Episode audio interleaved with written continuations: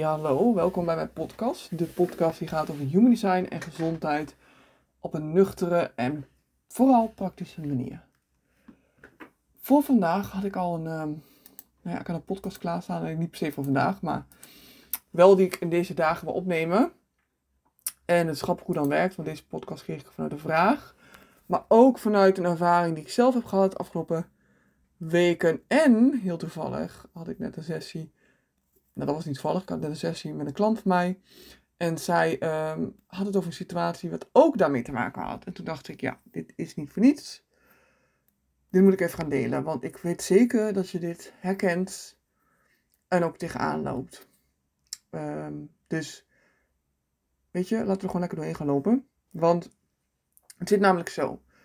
Je kan natuurlijk op heel veel verschillende manieren een energielek hebben. Dus dat je heel veel moe bent en je eigenlijk een beetje afvraagt, hoe komt dit nou? Heel vaak wordt er dan gekeken naar voeding. Doe ik ook uiteraard. Want ja, voeding is wel een van de grootste oorzaken met energielekken. Uh, doordat je misschien niet de juiste voeding eet. Of door misschien andere dingen in je leefstijl. Dus uh, je slaap, je sporten, et cetera, et cetera, et cetera. Ontspanning. Nou, je weet het allemaal wel. Allemaal factoren die meespelen in jouw energie. Vanuit Human Design gezien is er één ding waarvan ik zie en ook zelf waar, wat echt misschien wel een van de grootste oorzaken is van een energielek. En dat is dat je niet tegen de juiste dingen ja zegt. Dus dat je eigenlijk ja zegt tegen dingen die eigenlijk niet bij je passen. En nog belangrijker, als je dan ergens ja tegen hebt gezegd, dat je dan ook niet meer durft af te zeggen of te stoppen. Want je hebt nou eenmaal ja gezegd. En dan moet je het ook afmaken. Dat gevoel. Even een voorbeeld van mijn klant, want ik had net een gesprek met haar. En zij had dus, vertelde dus dat zij um, een tijdje geleden en, uh, was begonnen met producten te verkopen vanuit een bedrijf. Um, ging zij bepaalde producten verkopen. Maar elke keer wanneer ze door het bedrijf werd benaderd weer uh, over die producten, kreeg ze toch een beetje een, uh, sorry, een nagevoel, weet je. Ze had er gewoon geen zin meer in. Het kostte gewoon, het kostte gewoon heel veel energie. En zij heeft dus ook de keuze gemaakt om te stoppen. Ondanks dat ze ook had gezegd uh, dat nee was gestart, had zij echt duidelijk het gevoel van, hé, hey, ik moet hier weer stoppen. Het is allemaal leuk, hè, die producten verkopen, maar het past op dit moment gewoon niet bij mij. Um, en dus heeft zij de keuze gemaakt om te stoppen. Super knap.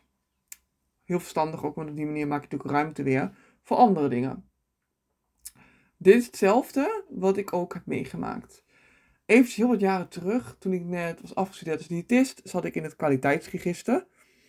Want dat deed je nou eenmaal als diëtist. Als je diëtist bent, dan ga je het kwaliteitsregister in. Tenminste, dat, dat was gewoon mijn overtuiging. Uh, dus ik ging het kwaliteitsregister in. Vanuit het kwaliteitsregister moet je, ja, moet je heel wat, aan heel veel eisen voldoen. Dat is op zich ook wel logisch. Anders kan je natuurlijk niet in het register blijven. Dus dat betekent dus dat je meer moet doen je bepaalde cursussen moet volgen. Dat je ook een beetje, nou ja, wel een beetje volgens hun manier dingen moet doen. Nou, daar krijg ik al gelijk de kriebels van. Um, maar al heel snel bij alles over het kwaliteitsregister. Alleen het woord al kreeg ik al stress. Kreeg ik al onrust.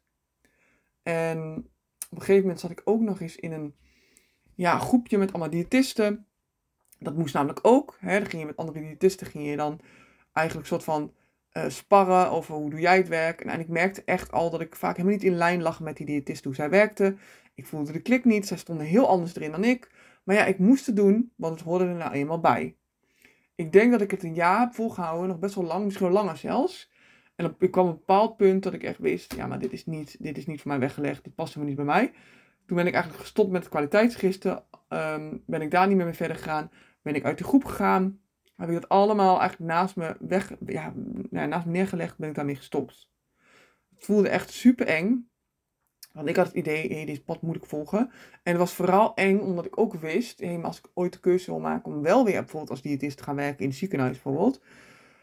En ik sta niet meer in het register, is best wel een dingetje. Maar voor mij, ik wist ook wel heel duidelijk, ja, maar dit is helemaal niet, dit past niet bij mij. Dus toen heb ik de keuze gemaakt om te stoppen. Ondanks dat het dus zo eng voelde. Vrij recent heb ik ja gezegd tegen een evenement waar ze hadden gevraagd of ik wou spreken. Um, dat deed ik zonder vergoeding, zou ik dan spreken.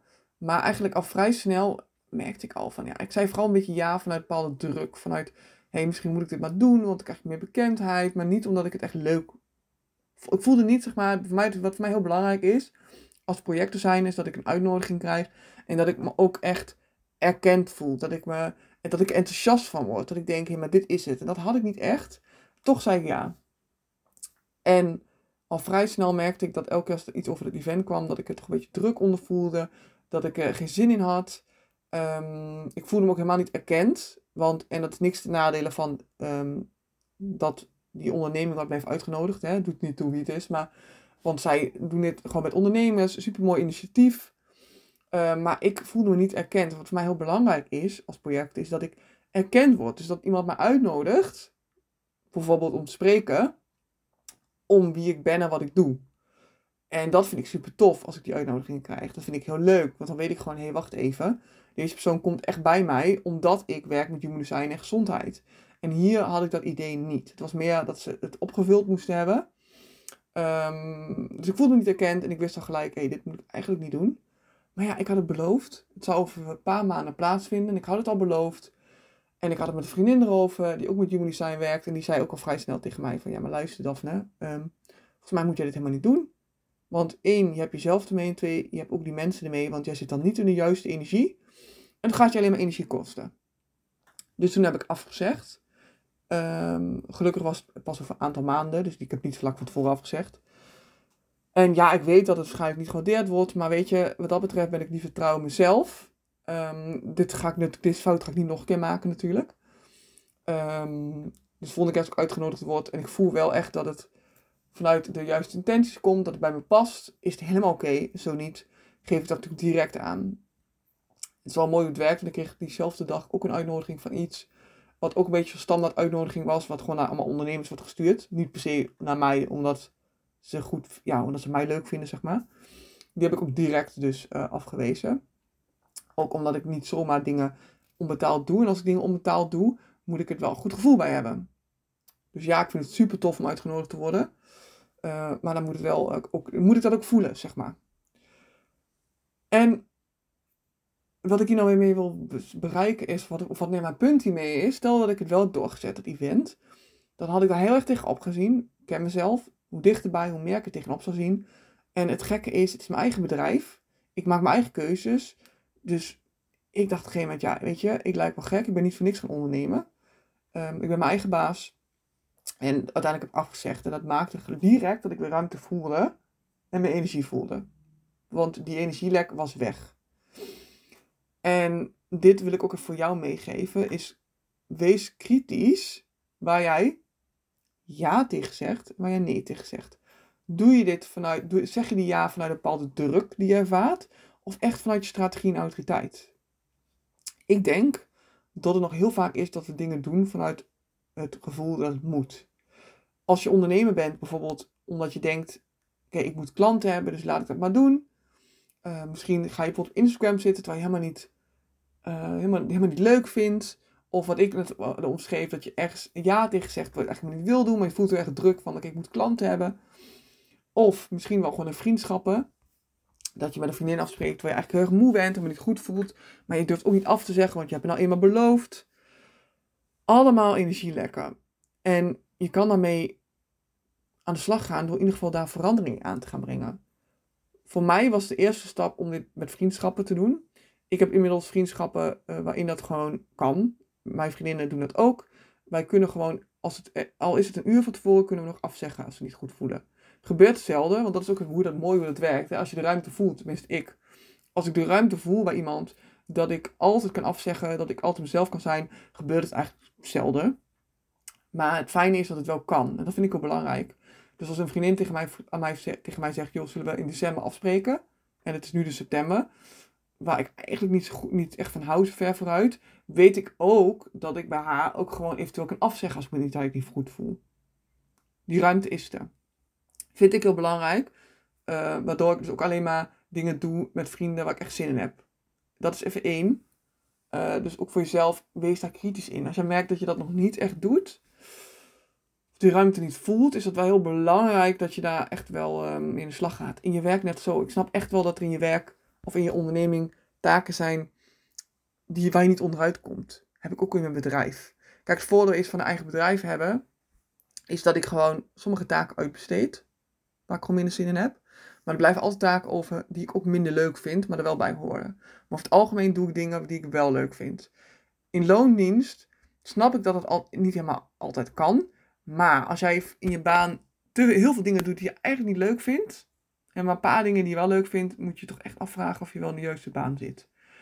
Als jij een generator bent, of manifest generator, en je komt elke dag kapot uit je werk, gaat er iets niet goed. Moet je afvragen of dit de werk is waar je echt energie van krijgt. Dat is natuurlijk allemaal, ja, het kan gewoon allemaal dingen in je leven zijn waar je even kritisch naar mag gaan kijken, waar jij dus misschien vaker nee tegen mag zeggen. Tijd is helemaal ook moeders trouwens. Ik zie dat zo vaak bij moeders die zichzelf totaal wegcijferen voor de kinderen. Super mooi dat je je kinderen geeft, maar jij bent er ook nog. Ik geloof heel erg eerst in voor jezelf zorgen, want dan kan je ook beter voor een ander zorgen. Um, dus kijk even naar je eigen leven daarbij. Hoe vaak zeg jij ja tegen dingen die je echt wil doen? Hoe vaak zeg je nee als je iets niet wil doen? En durf je dat dan ook te doen? En als je dan ja hebt gezegd tegen iets, durf je dan ook nog op terug te komen? Stel, je hebt wel met die vriendin afgesproken en je voelt eigenlijk de dag van tevoren, ik ben, niet lekker. Durf je dat dan te zeggen? Voel je die ruimte ook om dat te zeggen? Hier wil ik het even bij laten voor nu. Ik denk dat de boodschap duidelijk is. Hè? Een energielek kan ook echt komen uit dingen doen die je eigenlijk energie niet bij je passen. Waar je geen zin in hebt. Natuurlijk is het af en toe oké. maar als er die balans, de, niet de juiste balans in zit, is dat niet oké natuurlijk. Dus wees kritisch naar jezelf toe hoe dit voor jou is. Ik had het al in de vorige podcast ook gezegd, want nu komt er elke vrijdagochtend een nieuwe podcast online. Ik vind het zelf heel fijn, want dan weet ik zelf ook een beetje ja, waar ik aan toe ben. Maar ook vooral voor jou is het ook prettig, dan weet je ook dat in ieder geval elke vrijdagochtend een nieuwe aflevering is. Het kan zijn, als ik helemaal lekker in de flow zit, dat ik door de week nog een extra aflevering ga posten. Online zetten, maar uh, nou, dat merk je dan vanzelf natuurlijk. Maar voor nu hou ik het even bij de vrijdagochtend. En wellicht, uh, als je dit nu luistert, staat mijn masterclass online. Ik ben namelijk bezig met een masterclass, heb ik ontwikkeld, waarin ik de basics uitleg hoe je kan eten volgens design. Voor degenen die het echt nog een beetje ja, lastig vinden van waar moet ik dan beginnen. Uh, je hebt misschien al wat kennis, maar je bent helemaal verward door alle informatie. Dan is de masterclass wat voor jou. Ik zal een linkje toevoegen onder de show note van de podcast. Kan je even een kijkje nemen.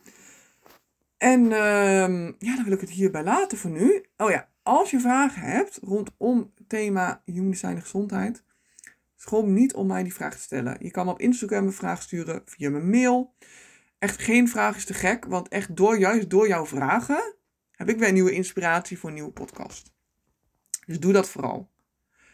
Heel erg bedankt voor het luisteren en dan uh, spreek ik je weer bij de volgende podcast.